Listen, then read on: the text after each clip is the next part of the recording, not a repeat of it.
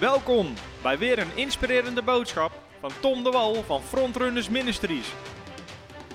We bidden dat je via deze aflevering geïnspireerd wordt in je leven met God en opgebouwd wordt in je geloof. Vanavond wil ik, eh, wil ik een boodschap prediken en eh, daarna wil ik ruim tijd nemen om te bedienen en de geest van God over mensen te laten komen. En ik geloof dat dat levens verandert. En uh, dus ik geloof dat God iets bijzonders wil doen in mensenlevens vanavond. En ik was vorige week was ik in uh, Annapolona. Dat ligt een heel eind weg. Ehm, de eerste keer dat ze me uitnodigden daar, vroeg hoe lang is het vliegen? Zei ze nee, het is in Nederland, ligt net onder Den Helder. Het klonk heel erg Spaans, maar ik dacht, oh, het is ik dacht we gaan naar Spanje toe. Ik zeg, hoe lang is het vliegen? Tom, het is twee uur rijden. Oké, ook goed. Het zijn twee dingen waar ik niet heel goed in ben, datums en, en tijd en, en uh, topografie. Maar uh, ik kan wel prediken, halleluja. En, um, en ik was daar vorige week en het is een kerk die een omschakeling aan het maken is om echt een heilige geestkerk te worden, een beweging van God. En, en terwijl we aan het aanbidden waren, gaf God me een boodschap uh, voor die avond. En ik ervoer ook om, om die gedeeltelijk hier vanavond te brengen. En het is een boodschap over de zalving. En ik wil spreken over drie redenen waarom de zalving bijzonder is. En waarom de zalving, uh, waarom we die nodig hebben. En Daarna wil ik gaan bedienen naar mensen en dan gaan we gewoon kijken wat de geest van God wil doen. Dus ik wil spreken kort over drie, ik zeg altijd kort, maar in verhouding is dat heel kort met de eeuwigheid. Maar ik probeer kort en krachtig te spreken over drie redenen waarom de zalving zo bijzonder is. En de term zalving hoor je niet zo heel vaak meer. Uh, het is ook een beetje zeker een term in, in de hedendaagse samenleving. Het is niet zo van, hey, ben je nog gezalfd van de week? Of heb je nog gezalfd? Het is, niet iets, het is niet iets wat veel voorkomt. Maar de zalving is een bijbelse term en het spreekt eigenlijk over de kracht van God op je leven. Dat is wat de zalving is. De zalving is de kracht van God, de kracht van de Heilige Geest op je leven. En zowel de kracht van God als de tegenwoordigheid van God. Weet je, de kracht van God is samen met zijn persoon. Je kan ze niet scheiden van elkaar. Als God er komt, komt er altijd kracht. Amen. Waarom? Hij is een God van kracht. En ik wil een tekst lezen, Lucas 24, vers 49. Lucas 24, vers 49. En dat is een tekst aan het einde van het boek Lucas, waar Jezus dit zegt tegen zijn discipelen. Dan zegt hij, zie, ik zend de belofte van mijn vader op u, maar blijf in de stad Jeruzalem, totdat u met kracht uit de hoogte bekleed zult worden dat je met kracht uit de hoogte bekleed zult worden. De zalving is de kracht van God die je bekleedt. De Engelse vertaling zegt, uh, you will be clothed, je zal eigenlijk omringd worden als een jas die je aantrekt. Dat is de kracht van God op je leven. En we zien het ook in het verhaal van de profeet Elia en Elisa. Hoe zijn mantel achterblijft terwijl Elia opgenomen wordt naar de hemel. En Elisa doet die mantel om en het is een symbool voor de zalving, het symbool voor de kracht van God. En Jezus zegt tegen zijn discipelen, de kracht van de Heilige Geest ga je mee bekleed worden. Het zal op je zijn, het zal op je rusten. Net zoals op Jezus, de kracht van God rustte op Jezus. De bloedvloeiende vrouw raakte hem aan en de Bijbel zegt, hij voelde kracht uit zich gaan. Hij voelde zalving uit zich gaan. Het was op hem. De zalving is de kracht van de Heilige Geest op je. En iedere gelovige heeft het nodig. En wat je niet alleen, weet zelfs Jezus had het nodig. Zelfs Jezus had het nodig, de zalving. Als je kijkt naar zijn leven, de eerste 30 jaar doet Jezus geen wonderen. Het is niet zo dat zijn goudvis vroeger stierf en dat Jezus de goudvis weer opwekte uit de dood. Of met ticketje, dat ze ticketje aan het spelen waren en Jezus rende snel weg over het water en niemand kon bij hem komen van andere kinderen. Het is niet zo. De eerste 30 jaar van Jezus zijn leven doet Jezus geen wonderen. Waarom? De zalving is nog niet op hem. God heeft hem wel geroepen, maar de zalving is nog niet op hem. En dan zegt de Bijbel dat hij wordt gedoopt door Johannes de Doper in de Jordaan. En dan zegt de Bijbel, en de hemel opende zich en de geest van God kwam als een duivel op hem neer. En vanaf dat moment beginnen overal wonderen en tekenen te gebeuren. Dus zelfs Jezus had de Heilige Geest nodig om overal wonderen en tekenen te doen. En een tekst over de zalving, een hele mooie tekst waar je ziet hoe God, Jezus en de Heilige Geest samenwerkt, is Handelingen 10, vers 38. Dat is een kerntekst over de zalving. Daar staat hoe God, je God de Vader, Jezus van Nazareth, dus Jezus van Nazareth benadrukt zijn menskant, gezalfd heeft met de Heilige Geest en met kracht. En hoe hij het land doorgegaan is, terwijl hij goed deed en allen die, die door de duivel overweldigd waren genas, want God was met hem. Hoe kon Jezus iedereen genezen die onder het juk van de duivel was? Door de zalving. Het is de zalving die jukken verbrijzelt. Het is de zalving die lasten verlicht. Jezaja 10 vers 27 zegt, de zalving zal ieder juk breken. De zalving zal ieder juk breken. In de zalving zit de kracht van God om ieder juk waar mensen onder zitten te breken. Er was niemand die met een probleem naar Jezus toe kwam waarvan het te groot was voor Jezus om, om te helpen. Daar moet je eens over nadenken. Er was niemand die met een probleem naar Jezus kwam waarvan Jezus zei, sorry, te groot, jammer, weet je wel. Ooit in de hemel komt het weer goed. Dat is wat de kerk je vertelt, toch? Weet je, op aarde kunnen we niet alles oplossen, maar later in de hemel. Amen. Later in de hemel is alles opgelost. Maar Jezus zegt, zoals in de hemel, zo op aarde. Er is niemand die met een probleem naar Jezus toe komt, waarvan Jezus zegt, sorry. Waarom niet de zalving, de kracht van God op hem? En daar kunnen wij ook naartoe groeien, daar mogen wij ook naartoe groeien. Weet je, welk probleem mensen ook hebben, drugsverslavingen, maakt niet uit. De zalving is de kracht van God om het af te breken, het werk van de duivel. En er is niks wat de duivel kapot maakt in mensenlevens, wat de kracht van God niet kan herstellen. En die kracht is op jouw leven, om anderen te helpen. Die kracht is om jukken van je eigen leven af te breken. Dus zelfs Jezus had de kracht van God nodig. Jezaja 10 vers 27. En als je kijkt naar wat onderwijst Jezus. Jezus predikt, hij heeft, berg, hij heeft heel veel gelijkenissen, heel veel, uh, hij predikt over het koninkrijk. Maar wat is de boodschap die Jezus bracht in de synagoges van Israël? De zalving. Hij bracht een boodschap over de zalving. Ik wil met je lezen Lucas hoofdstuk 4, waar we kunnen lezen exact wat Jezus predikt in de synagoge. En er staat vanaf vers 14, als je een telefoon mee hebt of Bijbel, kan je meelezen. Lucas 4 vanaf vers 14. Jezus keerde door de kracht van de geest terug naar Galilea en het gerucht over hem verspreidde zich door heel de omgeving. En hij gaf onderwijs in hun synagoge en werd door allen geprezen. En hij kwam in Nazareth, waar hij opgevoed was. Hij ging na zijn gewoonte op de dag van de Sabbat naar de synagoge en hij stond op om te lezen. En aan hem werd het boek van de profeet Jezaja gegeven. En toen hij het boek had opengedaan, vond hij waar de, de plaats waar geschreven stond: De geest van de Heere is op mij, omdat hij mij gezalfd heeft hij heeft mij gezonden om aan armen het evangelie te verkondigen, om te genezen wie gebroken van hart zijn, om aan gevangenen vrijlating te prediken, aan blinden het gezichtsvermogen, om verslagen weg te zenden in vrijheid en het jaar van welbehagen van de Here te prediken. En toen hij het boek dicht gedaan had en aan de dienaar teruggegeven had, ging hij zitten en de ogen van allen in de synagoge waren op hem gevestigd. En hij begon tegen hen te zeggen, heden is deze schrift voor uw oren in vervulling gegaan. Dus de boodschap die Jezus predikt in de synagoge gaat over de zalving. En jij zegt, de geest van de Heer is op mij, de zalving is op mij. En dan begint hij dingen op te noemen. Om blinden weer te laten zien. Om armen weer te herstellen. Om mensen die gevangen zitten vrij te zetten. En zegt hij om het jaar van welbehagen van de Heer te prediken. Het is het jubeljaar. In Israël had je één keer in de 50 jaar een jubeljaar. Het was het jaar van welbehagen. En in dat jaar moest alles hersteld worden van iemand wat hij de jaren daarvoor kwijt was geraakt. Door schulden, uh, als, als, als hij schulden had bij iemand anders, of hij was slaaf geworden, of er waren dingen misgegaan. Dat jaar werd alles kwijtgescholden en werd je compleet hersteld. En Jezus zegt, ik ben het jubeljaar. Jezus is het jubeljaar voor jouw leven en Jezus is het jubeljaar voor andere mensen hun leven. Er is geen probleem te groot voor Jezus. Door de zalving. En we mogen beseffen, diezelfde zalving is op ons leven. Dus de zalving is de kracht van God, waardoor jij jukken kan verbreken van andere mensen hun leven. Mensen die verslaafd zitten, mensen die problemen hebben. Als jij voor ze bidt, is de kracht van God die over ze komt.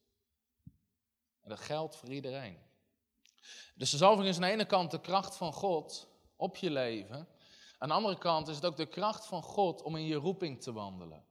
Ieder persoon heeft een roeping en een bestemming voor zijn leven. Allemaal, niemand uitgezonderd. Je hebt allemaal een plaats in het plan van God. Dus niemand heeft een excuus om niet mee te doen. Timotheus zegt, hebben allemaal een heilige roeping ontvangen van God. Dus je roeping is heilig en apart gezet voor God. Maar je hebt salving nodig om, in, om het uit te voeren voor God. En het is heel interessant, je ziet al in het Oude Testament, al moeten ze de tabernakel gaan bouwen. Dan zegt God, kies mensen uit waar de zalving op is. Zelfs voor praktische taken. Mensen die de kleden moesten weven, allemaal dat soort dingen. Moesten mensen zijn die deden onder de zalving. Dus de zalving is ook de kracht van God voor je roeping. Je ziet het bij Aaron en zijn zonen werden gezalfd voor het priesterschap. Mozes had een zalving van de geest op zich. Jozua die hem overnam werd gezalfd door de geest. Zelfs Simpson, ik weet niet wie heeft weer vroeger de kinderbijbel gehad. Met, met allemaal plaatjes, ja. Kennen jullie die Lego-bijbel trouwens? Die is hilarisch. Kennen jullie die? Nee, die moet je opzoeken. Die is echt briljant voor je kinderen. De Lego-bijbel, de bijbel in Lego-blokjes. Weet je, wat Maria zwanger is en één keer zo'n blokje op de buik zitten. Echt fantastisch. Dan staat er dat ze demonen uitdrijven en die zo'n Lego-spook zo. Voor kinderen fantastisch. Uh, hoe kwamen we hierop? Oh ja, Simpson. Ja, ik ben er weer. Simpson. Als je, als je gaat lezen over Simpson in de kindermaan, was dat een keer met zulke spierballen, weet je wel, die met Filistijnen aan het slingeren was. Maar ik geloof niet dat Simpson er heel sterk uitzag. Want de Bijbel zegt, het was de geest van de Here die over Simpson kwam, waardoor hij niet te verslaan was. Sowieso, maakt niet uit hoe sterk je bent. Dan pak je de sterkste bodybuilder van de wereld, laat hem tegen 300 mensen vechten en je verliest altijd. Maakt niet uit hoe sterk je bent natuurlijk. Maar als de geest van God op je is, verandert dat. Dus Simpson, ik denk niet dat hij er heel sterk uit heeft gezien, want de Bijbel zegt, de geest van de Here kwam op hem en daardoor versloeg hij de vijand. Dus Simpson had een zalving ontvangen. Elia en Elisa functioneerden onder de zalving. Wat interessant is, de profeet Elia, Elisa volgt hem op. En daar zit een hele interessante les in over de zalving. Maar de Elia heeft acht grote wonderen gedaan die in de Bijbel beschreven staan. En Elisa zegt, laat mij een dubbel deel van uw zalving ontvangen. En van Elisa staan er zestien beschreven. Hij heeft exact dubbel zoveel wonderen gedaan als Elia. had een dubbel deel van de zalving. En Elisa, Elia draagde de zalving over op Elisa. En Elisa wilde het overdragen op zijn knecht, maar zijn knecht zondigde. En daardoor heeft hij nooit de zalving overgedragen. En dan zegt de Bijbel dat de profeet Elisa, die lag in een graf. Hij was al lang overleden. En dan op een gegeven moment dan moeten ze vluchten. En dan hebben ze onderweg iemand die overleden is. En die willen ze niet achterlaten. Ze willen ze begraven in die grot. En de Bijbel zegt: het lichaam van de dode raakte de botten van Elisa aan. En hij kwam weer tot leven. Wauw. Zo'n zalving op de profeet Elisa, die hij niet over had kunnen dragen op zijn andere knecht, omdat hij ongehoorzaam was, dat de zalving nog steeds op zijn lichaam lag, op zijn botten lag. En de man die hem aanraakte kwam weer tot leven. Dat is de zalving. Zo realistisch, zo groot is de kracht van de zalving. Daniel, dat hij visioenen kon, kon uitleggen, was door de zalving. Weet je, ze functioneren allemaal door de zalving. Dus dat is de zalving. En ik wil delen met je drie dingen die bijzonder zijn aan de zalving. En als je dit gaat beseffen, gaat je leven in de zalving gaat er anders uitzien. Het eerste is, uh, wil ik lezen in Handelingen 8, vers 14 tot en met 19 of 20. Handelingen 8, vers 14 tot en met 20. Als je hem gevonden hebt op je telefoon, dan roep je prijs de Heer. Dan weet ik wanneer jullie hem hebben. Prijs de Heer. Handelingen 8, vers 14 tot en met 20. Toen de apostelen die in Jeruzalem waren hoorden dat Samaria het woord van God aangenomen had, stuurden zij Petrus en Johannes naar hen toe. En toen die aangekomen waren, baden zij voor hen dat zij de Heilige Geest mochten ontvangen. Want er was nog op niemand van hen gevallen, want ze waren alleen gedoopt in de naam van de Heer Jezus. Toen legden zij hun de hand op en zij ontvingen de Heilige Geest.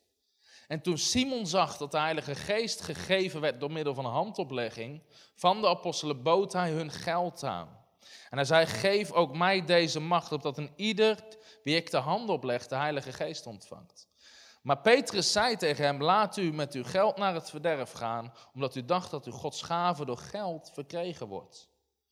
En de eerste, ik heb ze in het Engels, want dan klinken ze mooi. De eerste reden is, the anointing cannot be bought. De, de zalving kan je niet kopen. De zalving kan je niet kopen. En je moet eens nadenken over dit verhaal, hoe bijzonder de zalving, de kracht van God wel niet moet zijn. Want Simon de tovenaar zag wonderen en tekenen gebeuren, maar daar is hij niet zo van onder de indruk. Totdat hij ziet dat de Heilige Geest wordt overgegeven door handoplegging en daarvoor biedt hij zijn geld aan. Niet voor de wonderen en de tekenen, voor de gave om de Heilige Geest over te dragen. Maar hij dacht dat hij de zalving kon kopen. Hij bood zijn geld aan en Petrus heeft een schitterende genadeboodschap voor hem. Laat uw geld met u naar het verderf gaan, omdat u dacht dat uw gave van God door geld verkregen wordt. Petrus zat helemaal in het genade-evangelie, zie je. God houdt nog steeds van je, maar je gaat wel naar het verderf. en uiteindelijk parkeert hij zich en loopt het allemaal heel goed af. Maar hij dacht dat hij de zalving kon krijgen door het te kopen. En dan zou je denken van, joh, dat gebeurt vandaag de dag toch niet meer.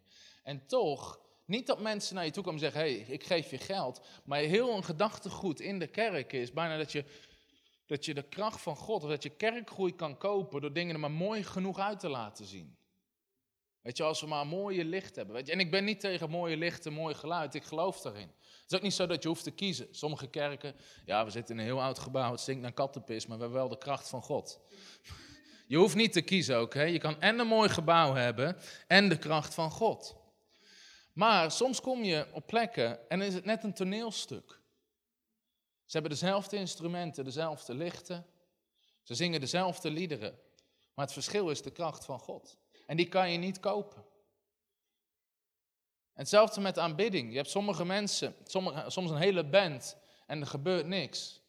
Of één iemand op een gitaar die één noot speelt en de kracht van God valt. Ken je dat verschil? Wat is het verschil? De zalving. De zalving. De zalving kan je niet kopen. Je kan het alleen ontvangen door in de tegenwoordigheid van God te zijn, zijn aangezicht te zoeken. Het maakt niet uit hoe vaak je repeteert, het maakt niet uit hoe vaak je oefent. Hetzelfde met prediking. Weet je, bovennatuurlijk resultaat van prediking, dat mensen genezen worden, bevrijd worden, gered worden, kan je niet kopen. Het maakt niet uit hoe vaak je een preek oefent. Je hebt de Heilige Geest nodig die het woord bevestigt. De Bijbel zegt, God bevestigt zijn woord met wonderen en tekenen. Uiteindelijk is het alleen God die bevestigt wat van hem is. En hetzelfde geldt voor de zalving. Geld kan nooit de zalving kopen. Je kan instrumenten kopen, lichten kopen, een gebouw kopen, maar de zalving kan je niet kopen. De zalving kan je niet kopen. Waarom? Het is altijd op je. Gewoon door de Heilige Geest. Als je beseft wie hij is, als je hem zoekt, is het altijd op je. Ik was in Afrika en dan zeiden ze: Weet je, als je hier geen pak draagt, luisteren mensen niet naar je. Dan luisteren ze maar niet. De zalving zit niet in een pak dragen of niet. Ze vroegen, hoe moeten we je aankondigen, apostel of profeet? Ik zeg geen van beide, zeg gewoon Tom. Nee, dan luisteren ze niet naar je. Nee, tot de kracht van God valt en iedereen zit op het puntje van zijn stoel als de eerste mensen spontaan beginnen te genezen. Je autoriteit komt niet door een titel voor je naam of wat dan ook. Het komt door de kracht van God op je leven. Waarom? Je kan het overal gebruiken. Je kan het op de werkvloer gebruiken, in de supermarkt. Overal is de kracht van God op je. Als jij denkt dat ze eerst moeten aankondigen als de speciale profeet van de Heer in dit laatste uur, the man of power from the for the last hour, dan ga je nooit in de supermarkt functioneren, ga je nooit op de werkvloer functioneren. Weet je, daar heb je geen band achter je. Holy Spirit, thou art welcome. Nee, daar sta je gewoon tussen potten augurken, waar je in één keer iemand ziet waar je voor moet bidden. En of je bent zo gezalfd dat de augurken beginnen te zingen, maar dat zelfs de augurken niet meer zuur worden. De zalving brengt vreugde. Zo'n zalving om, maar zelfs de augurken zijn niet meer zuur. Nee, de zalving is op je, je kan het niet kopen, je hoeft er zelf niet heel lang voor te zingen. Het is op je en je kan altijd intunen. Het is een mate, het is, die, het is een hartsgesteldheid. Als ik God wil horen, midden in een drukke dag, kan ik gewoon in mijn hart luisteren. Heer, wat wilt u zeggen? Weet je, de, de zalving is op je, de kracht van de geest van God is op je. En je kan het niet kopen, je kan het ontvangen. We hebben geen toneelstukken nodig. Weet je, ik geloof echt in een kerk vol kracht. En weet je, alles wat we kunnen doen om mensen naar de kerk te trekken, doe het. Maar wat je nodig hebt uiteindelijk om mensenlevens te veranderen, is de kracht van God. Jezus zei niet, wacht in Jeruzalem tot je het toneelstuk hebt geleerd en ga dan het land door. Hij zei, wacht tot je de kracht van God hebt ontvangen. Wacht totdat je de kracht van God hebt ontvangen, want dat is wat mensenlevens verandert.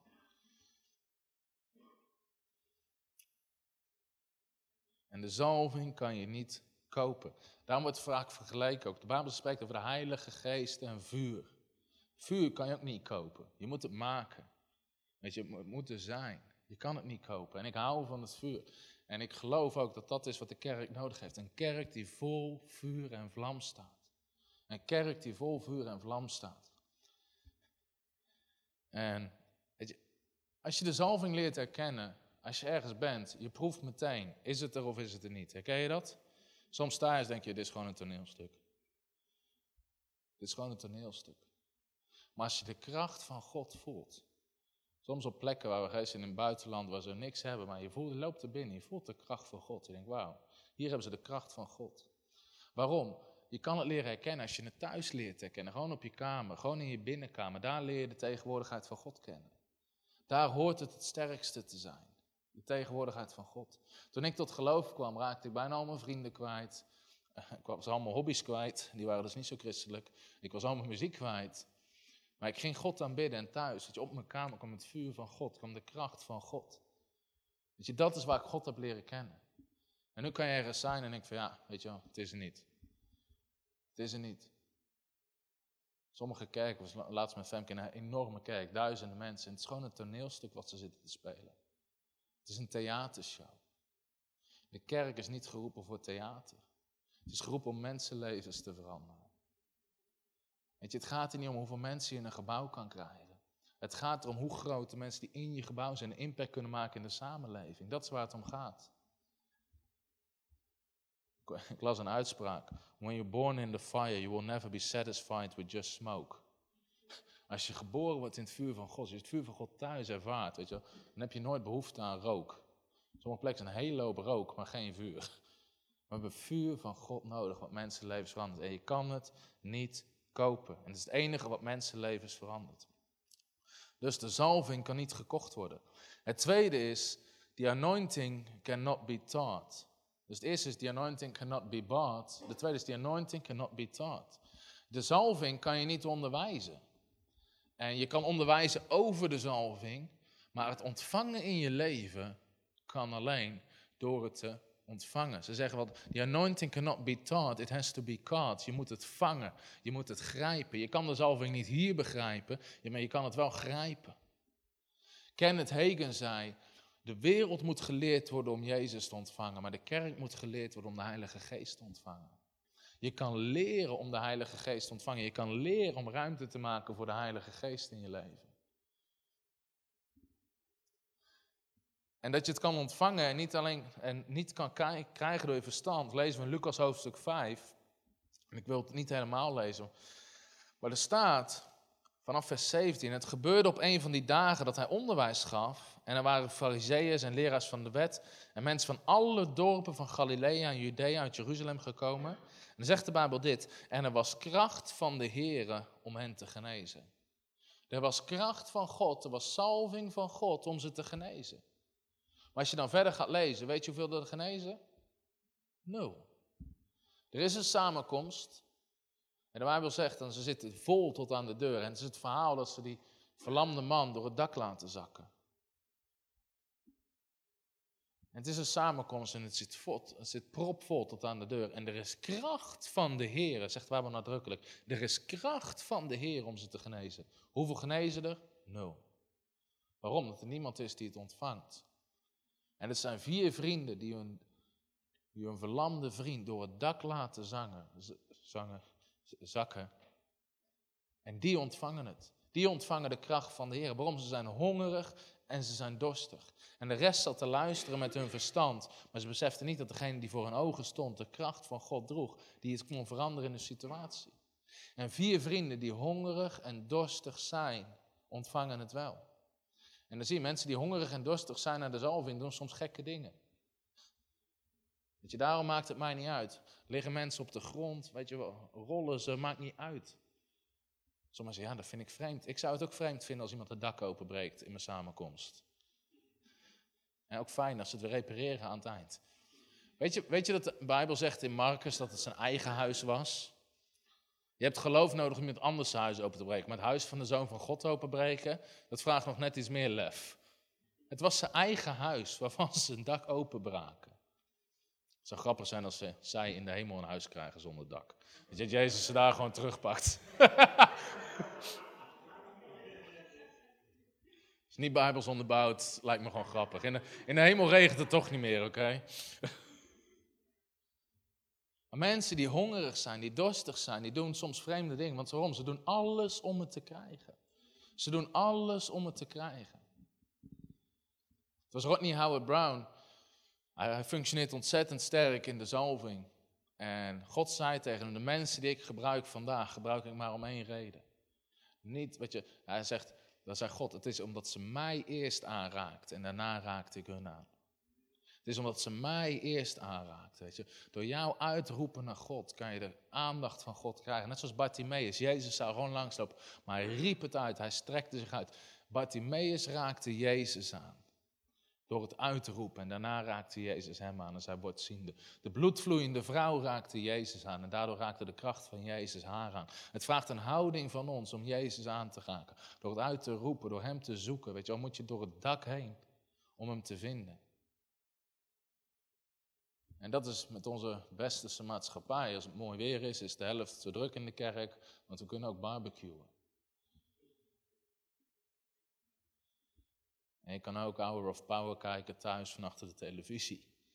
we hebben een consumptiemaatschappij, waar mensen, weet je, we willen het meteen, we willen het nu. We willen er vooral niet zoveel voor doen. Het moet makkelijk gaan, het moet snel gaan. Maar de zalving kost iets. Weet je, de zalving vraagt honger, de zalving vraagt dorst, de zalving vraagt tijd doorbrengende tegenwoordigheid. En je kan het niet onderwijzen. Je moet het vangen.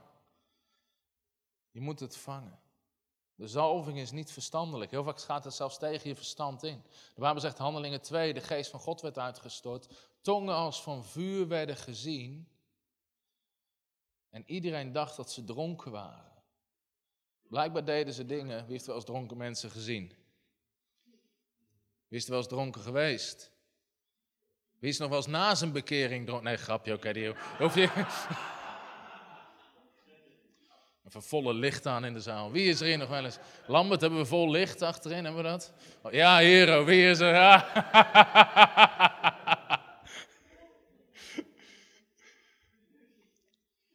maar blijkbaar deden ze gekke dingen. Want iedereen dacht dat ze dronken waren. Maar Petrus zegt, deze mensen zijn niet dronken zoals u vermoedt, want het is pas het derde uur van de dag. Maar dit is wat geprofeteerd is door de profeet Joel. Ik zal mijn geest uitstorten op alle vlees. Petrus zegt, dit is wat geprofeteerd is. Het is een uitstorting van de geest van God. Blijkbaar als de geest van God wordt uitgestort, kan het soms uitzien dat mensen dronken zijn. Maar het maakt niet uit hoe het eruit ziet, want die mensen waarvan ze dachten dat iedereen dronken was, zijn uiteindelijk de mensen die de wereld veranderd hebben. Handelingen 17 zegt, die mensen die de wereld schudden, die zijn nu hier gekomen. Wauw. Wauw. De mensen die de wereld schudden, zijn nu hier gekomen. Dezelfde mensen waarvan ze eerst dachten dat ze dronken waren. Dus als je nu begint te beschuldigen dat je dronken lijkt, dan hoop ik dat ze over een tijd zeggen, diegene die heel het dorp schudt. Weet je, de zalving kan een heel dorp op zijn kop zetten door de wonderen die gebeuren. Door nieuw onderwijs wat verspreid wordt, door mensen die gered worden. Het kan dorpen schudden, het kan steden schudden, het kan huizen schudden. Handelingen, hoofdstuk 4, zegt ze waren aan het bidden en het hele huis werd geschud. Sommige mensen hebben er moeite mee als je op de grond ligt te schudden in de kerk onder de kracht van God. Luister, in handelingen werden hele huizen geschud onder de kracht van God. Zolang we daar nog niet zitten, hoeven we niet te klagen, oké, over wat we gek vinden. Hele huizen werden geschud. Dat is wat de zalving kan doen. Het is de kracht van God die je kan grijpen. Dus die anointing cannot be bought. Het kan niet gekocht worden. Het cannot be taught. Je kan erover onderwijzen, maar je moet het uiteindelijk grijpen. En het derde punt is ook, the anointing has to be caught. De zalving moet je ontvangen. De zalving moet je vangen. Je kan de zalving niet begrijpen, maar je kan de zalving wel grijpen. Je kan het grijpen in je geest. Je kan het grijpen door te honger en te dorst. Je kan het grijpen door je naar hem uit te strekken. En zelfs als je het leert, want je kan gewoon thuis op de bank zitten, je handen twee seconden in de lucht steken en de kracht van God voelen stromen. Het is niet moeilijk om in de tegenwoordigheid van God te komen. Jezus heeft het voorhangsel gescheurd. De geest is uitgestort. Alles is eraan gedaan. God is alleen nog maar op zoek naar ontvangers. Amen. Als je een ontvanger bent, kom op, geef me een applaus. Zeg, ik ben een ontvanger. Halleluja. We moeten leren ontvangers te worden. We moeten leren om ontvangers te worden. Soms kan je het helemaal niet begrijpen. De, allereerste keer dat ik dronken was in de geest, is de schuld van deze oude vrouw hier op de voorste rij. Ze gaf me een cassettebandje. Een cassettebandje. Ik wist niet eens hoe je hem afspeelde. ze gaf me cassettebandjes van Rodney Howard Brown. En ze zei: Tom, deze moet je luisteren. En ik zei, ja, is goed. Maar ik dacht, wat doe je die dingen in, weet je wel? Eh, eh, In je autoradio's gaat het niet meer, in je computer gaat het niet meer. Weet je, ik had nog wel een Discman van vroeger, maar een Walkman, die hadden we niet meer. Dus ik zei, ja, ja, is goed. En elke week vroeg Rita, Tom, heb je ze al geluisterd? En ik zei, nee, nog niet. En ik wist nog steeds niet. En op een gegeven moment, Rita vroeg elke week, dus ik dacht, weet je wat ik doe? Ik zoek gewoon die opnames op en ik koop ze via internet of zo. En dan kan ik ze luisteren via mijn telefoon. En ik had nog nooit van die man gehoord. Ik had geen idee wie die was. En ik had op een gegeven moment kwam ik ze ergens tegen op een site waar ik ze kon downloaden als mp3. Dus had ik ze op mijn telefoon gezet. En ik zat in de bus naar school toe. En ik zat die opnames te luisteren van die man. Het ging over gebed. En weet je, hij onderwees niks nieuws. Hij onderwees niks wat ik nog niet wist. Maar van het een op het andere moment valt de geest van God op me in die bus. En ik zit dronken in de geest in de bus. En ik kan niet meer opstaan. En ik zie mijn halte aankomen. Ik denk, die moet ik hebben. Maar ik ben te dronken in de geest. En ik zie hem zo langs en denk, nee, gemist. En uiteindelijk ben ik helemaal bij het station uitgekomen. En dronken in de geest, teruggelopen naar school, veel te laat. En iedereen zegt, wat heb jij gisteren gedaan? Wat heb jij gisteren gedronken? Nou, het probleem was niet wat ik gisteren had gedronken. Het probleem was wat ik net in de bus heb gedronken. En heel de dag, weet je, was ik in, wat, wat is dit? Gewoon de kracht van God helemaal over me. Ik stond, ik stond zo te schudden. En thuis ging ik opzoeken, ik ging die man opzoeken, ik denk, wie is dit? En ik ging hem thuis kijken en de kracht van God viel. De kracht van God viel. En daarna bleef constant de kracht van God vallen als ik aan het bidden was. Ik was een keer aan het bidden en de kracht van God viel. En ik lag te schudden op de grond in mijn slaapkamer. En ik zei, Heer, waar staat dit in de Bijbel? Weet je, ik dacht, waar zien we dit? En God gaf me een psalm. Ik zal hem voorlezen. Omdat soms zeggen mensen, waar staat dat in de Bijbel? Goeie vraag. Maar God weet wat hij geschreven heeft. Hij heeft het namelijk geschreven. En hij is niet vergeten wat hij geschreven heeft. En God zei in mijn geest, heel duidelijk, Psalm 96, vers 6. En ik had geen idee wat er stond.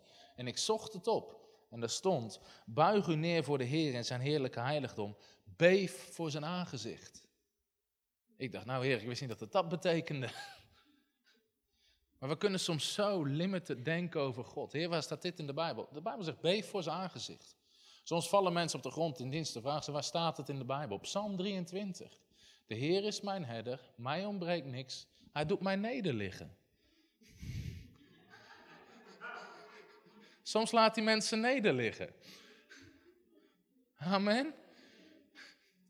Weet je, we hebben een heel beperkt beeld van heiligheid. Is je dat wel eens opgevallen? Als met z'n allen voorin staan te huilen, oh heilig moment. staan mensen te lachen. Wat is dat nou? Weet je, waarom vinden we heilig, weet je, waarom is huilen wel van de geest van God en lachen niet? De Bijbel zegt, God lacht op zijn troon. En de Bijbel zegt in Psalm 126, hij vulde onze mond met lachen. God kan op allerlei manieren bewegen. En ik heb geleerd om niet zo narrow-minded te zijn. Ik, als het van God is, maakt mij het uit hoe het eruit ziet. Weet je, als schudt een heel huis in het Oude Testament, rolde zo over de grond. Ik heb, het maakt mij het uit hoe het eruit ziet. Als God wil bewegen, dan beweegt hij. En we kunnen God niet vangen met ons hoofd hier. Weet je, zeggen, ik begrijp het niet. Dat is juist de bedoeling dat je het niet begrijpt. Leer maar te wennen aan het feit dat jij God niet altijd begrijpt. Weet je, als jij denkt dat je God altijd kan begrijpen, had hij jou wel op de troon gezet in plaats van hemzelf. Hij is groter, hij is slimmer en hij weet hoe hij dingen doet en waarom hij het doet. Weet je, en sommige dingen doet God misschien zelfs wel, zodat jij het niet begrijpt. Heb je daar wel eens aan gedacht? Zeggen soms, in het Engels zeggen ze, sometimes he offends your mind to test your heart.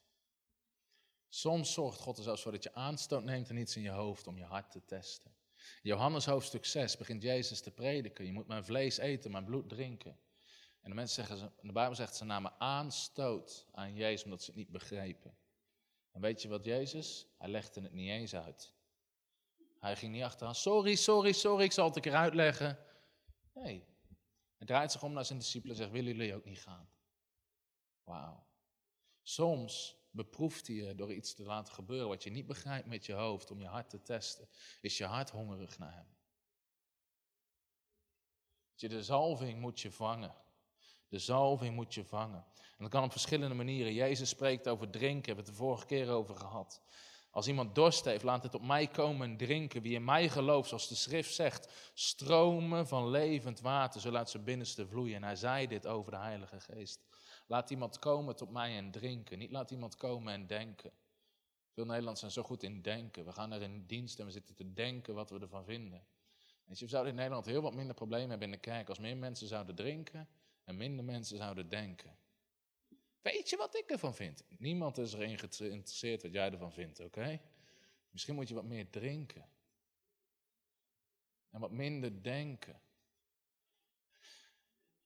Amen. Hebben we drinkers in de zaal of hebben we denkers in de zaal? Soms zie je mensen zo. Ik weet niet wat ik ervan denk. Oké, prima. Stop met denken, begin te drinken. Als je wat meer zou drinken, had je minder problemen ook met je denken. Soms als je genoeg drinkt, kan je niet meer helder nadenken. Wie weet dat van de natuurlijke? Als je genoeg drinkt, kan je niet meer helder nadenken. De, de discipelen op de Pinksterdag hadden zoveel gedronken, ze konden niet meer helder nadenken. Iedereen dacht dat ze dronken waren. Soms moeten we meer drinken. En niet denken. Jezus zegt niet, laat iemand die dorst heeft naar mij komen en denken. Dat was de fout van de, van de fariseeërs. Ze stonden naar Jezus te kijken en te denken. Maar er waren ook prostituees, hoeren, tollenaars, mensen die ziek waren. En die kwamen naar Jezus en ze dronken van het levende water wat hij hen wilde geven. En de mensen die stonden te denken ontvingen niks, maar de mensen die kwamen om te drinken ontvingen alles wat hij had voor hem. En daarom, zijn, daarom zegt de Bijbel, het zijn vaak niet de wijzen die van hem ontvangen. Het zijn de mensen die het hart hebben van een kind. Kinderen staan hier overal bijna te denken, wat vinden ze ervan? Kinderen vinden het leuk. Weet je, die willen meteen meedoen. Ik moet denken aan een verhaal. Een vriend van mij die was met zijn kinderen naar een dienst gekomen. En voor de allereerste keer viel hij op. Dit, dit verhaal heeft geen geestelijke betekenis, oké? Het is gewoon een grappig verhaal. De allereerste keer viel hij op de grond onder de kracht van God en zijn zoontje zat naast hem. En die kijkt naar zijn moeder en zegt: Mama, is papa dood? maar papa was springlevend en het ging beter met papa dan ooit tevoren.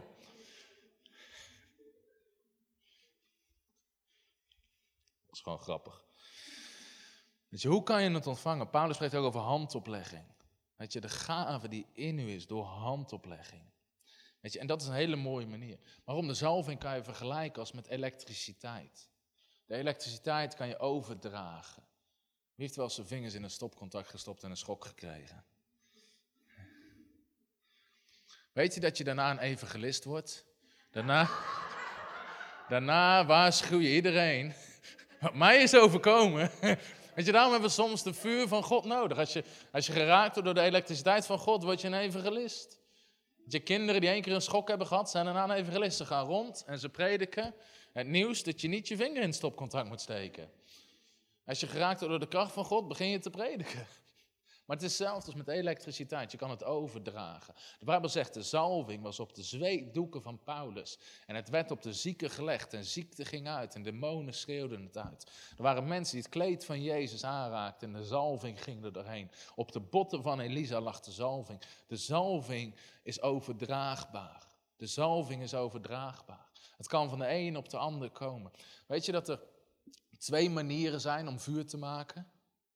Je kan vanaf nul starten als je niks hebt om proberen vuur te maken met een houtje en een ander houtje. Maar de makkelijkste manier om vuur te maken is om naar een vuur te gaan wat al brandt. Daar uit te pakken en daar je eigen vuur mee te starten.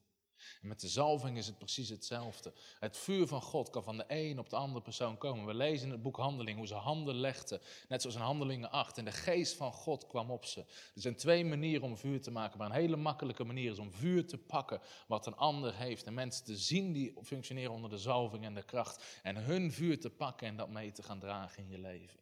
Paulus schrijft naar Timotheus: Herinner je de gave, de zalving die op je is door mijn handoplegging. Het vuur wat op Paulus lag, heeft hij gelegd op Timotheus. En ik wil dat vanavond ook gaan doen, dat we handen gaan leggen op mensen, dat we het vuur van God gaan overdragen, de kracht van God gaan overdragen. En dat is de manier waarop je het kan ontvangen. Vuur pakken van een ander.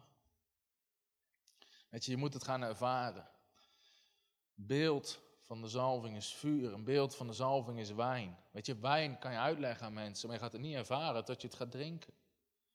Je kan heel lang uitleggen hoe het smaakt, hoe het proeft, hoe je het moet drinken, maar die ander gaat niks van wijn ervaren totdat hij het gaat drinken. sommige Nederlandse christenen hebben als een soort, soort wijnuitleg nodig. Dit is de Heilige Geest, dit en dit kan er gaan gebeuren, zo en zo moet je hem drinken. En dat is prima, maar daarna moet je ook wel gaan drinken. En niet blijven denken. Maar een fles wijn blijf je ook niet denken, toch? Zou ik het lekkere wijn vinden? Wat zou ik ervan vinden? Wat zou er gaan gebeuren? Is dit wel bijbels? Nee, als je het wil gaan ervaren, moet je het gaan drinken. En het mooiste eraan vind ik uiteindelijk als je het vuur van God hebt. Ik hoorde, volgens mij was Charles Wesley, die zei: You don't have to advertise fire. Je hoeft geen reclame te maken voor vuur. Een tijdje terug hier in Werkendam stond, s'avonds, op vrijdagavond stond iets in de brand. Dat was van tevoren niet aangekondigd in de krant. Er waren geen flyers verspreid, geen posters. Het was niet al een week lang op het nieuws, maar heel het dorp stond er. Voor vuur hoef je geen reclame te maken, amen. Vuur maakt reclame voor zichzelf. De Bijbel zegt, het gerucht over Jezus verspreidde zich over heel Galilea. Jezus ging niet rond om posters uit te, uit te delen. Het vuur van God wat op hem was, verspreidde zich. You don't have to advertise the fire. Als het vuur van God op je leven is, mensen kunnen het zien. Mensen op je werk zeggen tegen, hey, wat is er met jou aan de hand? Jij hebt iets. Je hoeft er zelf niet eens reclame voor te maken. Je hoeft er zelf niet eens reclame voor te maken. Ik was een keer op straat aan het evangeliseren. En de jongen zei, mooi gesprek. En hij gaf me een hand. En met dat ik hem de hand gaf, viel de kracht van God op hem. En hij viel bijna op de grond. Hij zei, wat is dit? Dat is de kracht van God. Waren met een hele groep waren op de Schelling. En je hebt daar een hele grote jeugdcamping, heet volgens mij de Appelhof of zoiets. En we hadden daar recht tegenover hadden we, hadden we een huis gehuurd. En we zijn één keer die camping op geweest om voor jongeren te bidden. En een jongen met gebroken pols genas, allerlei bijzondere wonderen en tekenen. En de rest van de week kwamen ze zieken naar ons huisje toebrengen met de vraag, ging de dubbel weer, willen jullie alsjeblieft voor hem bidden? Willen jullie alsjeblieft voor hem bidden? Waarom? Vuur verspreidt zichzelf. Vuur verspreidt zichzelf. Hoeft er geen flyers uit te delen, geen folders uit te delen. Vuur maakt reclame voor zichzelf. En ook op jouw leven. Mensen kunnen het vuur van God zien. Mensen kunnen de kracht van God gaan zien. Mensen gaan de zalving zien. Dat zeggen, hé, hey, jij hebt iets. Jij hebt iets. En we kennen allemaal mensen die problemen hebben, toch? We kennen allemaal mensen die misschien zelfmoord willen plegen. Mensen die altijd depressief zijn. Mensen die altijd negatief zijn. De zalving is op je om jukken te verbrijzen, om lasten te verlichten. Je tegen, soms moet je gewoon straight zijn tegen mensen. Mensen die altijd negatief zijn, depressief zijn. Weet je dat er een geest is van benauwdheid? Weet je dat er een geest is van depressiviteit? Mag ik voor je bidden? En je breekt dat ding van hun leven af vanwege de zalving die op je ligt. Dat is de kracht van de zalving. En daarom is dat de kerk nodig heeft. Mensen die depressief zijn, kan je meesleuren naar een toneelstuk, maar daarna zijn ze nog steeds depressief. Maar als de kracht van God op je komt, de zalving van God op je komt, dan breekt het alles af wat niet van God is. Dan breekt het alles af wat niet van God is. Vorige week ook in Annapolona zat een vrouw en ik was aan het rondlopen en bedienen. En ze heel de avond zat ze gewoon verdrietig. En ik proefde gewoon een geest van rouw. Ik zeg, God wil je vreugde geven. Breek die rouw. Heer, breek het af van haar. Vijf minuten later rolt ze over de grond van het lachen. Weet je, lachen, lachen, lachen. En op een gegeven moment de gitarist, Arjan was erbij, de gitarist die viel op de grond. Alleen maar lachen, lachen, lachen. Dat is wat de zalving kan doen. Het breekt iedere depressiviteit van je af. Het breekt iedere geest van rouw van je af. Het is de vreugdeolie van God. De Bijbel zegt, de discipelen werden vervuld met de heilige geest en met blijdschap. Uit mijn hoofd Handelingen 14 vers 58. Weet je, het verschil tussen niet blijdschap en blijdschap is niet niet blij, blij. Dat is niet het verschil. Lachen, vreugde, geen depressiviteit. We hebben gisteren, gisteren op de Bijbelschool wat over Paulus. Begint hij op te noemen waar hij allemaal doorheen is gegaan. Hoe vaak hij, in 1, 2 Korinthe 11, hoe vaak hij in de gevangenis heeft gezeten. Hij zegt, vijfmaal ben ik met veertig min één zweepslagen geslagen. Met de roede gegezeld, in gevangenissen gezeten, bespuugd, geslagen. één keer gestenigd. En dan zit hij in de gevangenis en dan schrijft hij: Verheug je, broeders, verheug je. Ik zeg het nogmaals, verheug je. De Filippense brief, een paar hoofdstukken, bijna ieder vers. Verheug je, verheug je, verheug je. Boven natuurlijke vreugde. Dat is wat de zalving brengt op je leven. Het is het vuur van God, waardoor je niet te stoppen bent. Denk aan apostel Paulus. Hij had het vuur van God ontvangen en niemand kon hem stoppen. Niemand kon hem stoppen. Ze stenigden, maar hij stond erop, schudde zich af, volgende stad om te prediken. Weet je, ze sloegen zijn rug kapot, maakt niet uit. Hij ging weer door, hij ging doorprediken. Nog een keer, nog een keer, nog een keer. Hij bleef maar gaan, die gast was niet te stoppen. Het was alsof de duivel met afstandsbediening hem uit zat te drukken en Paulus bleef maar gaan. Weet je, dat is wat de zalving doet op je leven. En hoe harder de duivel begint te drukken, hoe harder jij begint te lopen door de kracht van God. Het is de kracht van God die dingen makkelijk maakt. De Bijbel zegt over een profeet dat hij rende de wagens van de koning eruit met paarden. Hij zei, ik kom later wel. En even later ziet de koning ziet hem langs rennen op zijn blote voeten. En de paarden hielden hem niet bij. Dat is de vuur en het kracht van God, waardoor je boven natuurlijke dingen kan doen. Amen. Het is de zesde keer dat ik sta te preken dit weekend. Al hadden er nog tien gekomen vandaag. Ik word er niet moe van, ik krijg er kracht van. Het is de zalving van God. Om te doen wat je moet doen. Het geeft je boven natuurlijke kracht.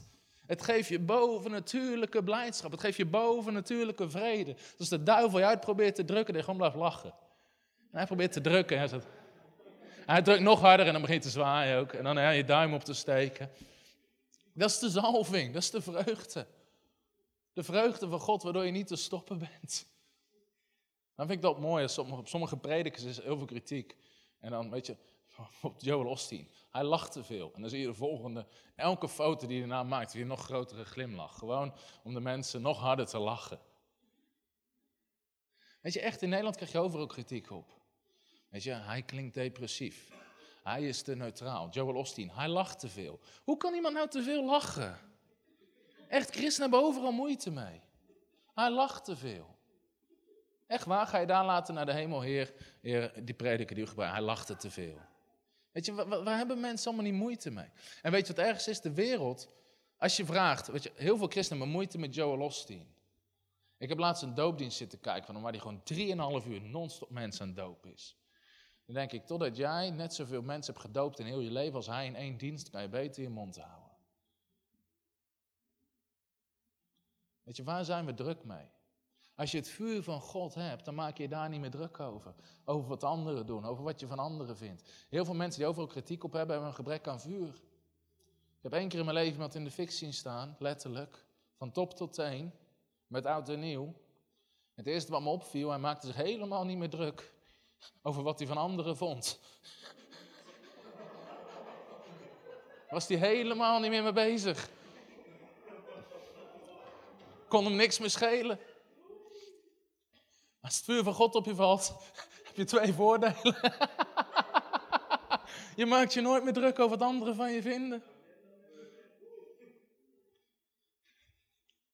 Soms krijg ik berichten, het gaat bij jou te veel over geloof. Prijs God. De Bijbel zegt, heb geloof. Je bent te vrolijk. Prijs God. Je maakt te veel grappen. Wat moet ik dan doen? Zielige verhalen vertellen? Weet u, er kwam ooit een vrouw heel depressief in de dienst. En ze ging nog depressiever weg. Prijs de Heer. Weet je, we, wat willen mensen horen?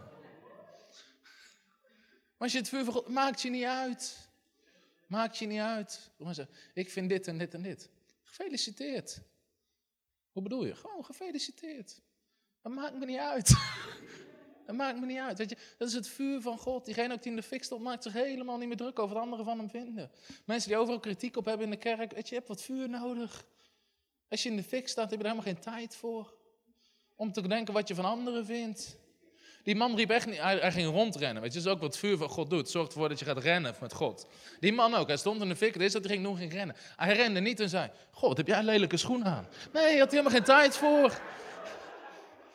Had hij helemaal geen tijd meer voor. Hij rende niet rond. Ik vind dat er te veel Engelse liedjes op de radio zijn. Met sommige christenen, er zijn veel te veel Engelse liedjes in de kerk. Er zijn veel te veel Nederlandse liedjes. De tekst is te lang. Hij spreekt te lang, hij spreekt te kort. De dienst is te lang, de dienst is te kort. Je hebt wat vuur nodig. Amen. Sommige mensen hebben wat vuur nodig, ze hebben wat vreugdeolie nodig. Sommige, soms kom je in een kerk en is iedereen altijd depressief. Altijd depressief. Ze hebben vreugdeolie nodig. Net als de kerk van handelingen die niet te stoppen was. Weet je dat het letterlijk is wat de Bijbel zegt? Ze geeselden de Petrus en Johannes. En ze liepen blij weg. Echt waar. Daarom geloof ik in bovennatuurlijke vreugde. Bovennatuurlijke kracht van God. Bovennatuurlijke vrede. We hebben het vuur van God en de zalving kan je alleen maar ontvangen. En ze de kracht van God op je om jukken te verbrijzelen en om in je roeping te wandelen. Amen. Hallo, Tom de Wol hier en bedankt dat je weer geluisterd hebt naar onze podcast. Ik bid dat het je geloof gebouwd heeft en je bemoedigd bent. Als je niet alleen een luisteraar van onze boodschap wil zijn, maar ook een verspreider daarvan, wil ik je uitnodigen om partner te worden van Frontrunners. Door jouw maandelijkse donatie help je ons om dit evangelie van Jezus Christus en het woord van God over heel de aarde te brengen. Om partner te worden, ga naar www.frontrunnersministries.nl slash partners en word partner. Hartelijk bedankt en tot snel. Heb je ook zo genoten van deze inspirerende boodschap van Tom de Wal? Abonneer je dan op deze podcast. Volg ons op Facebook en op Instagram en kijk op onze website frontrunnersministries.nl.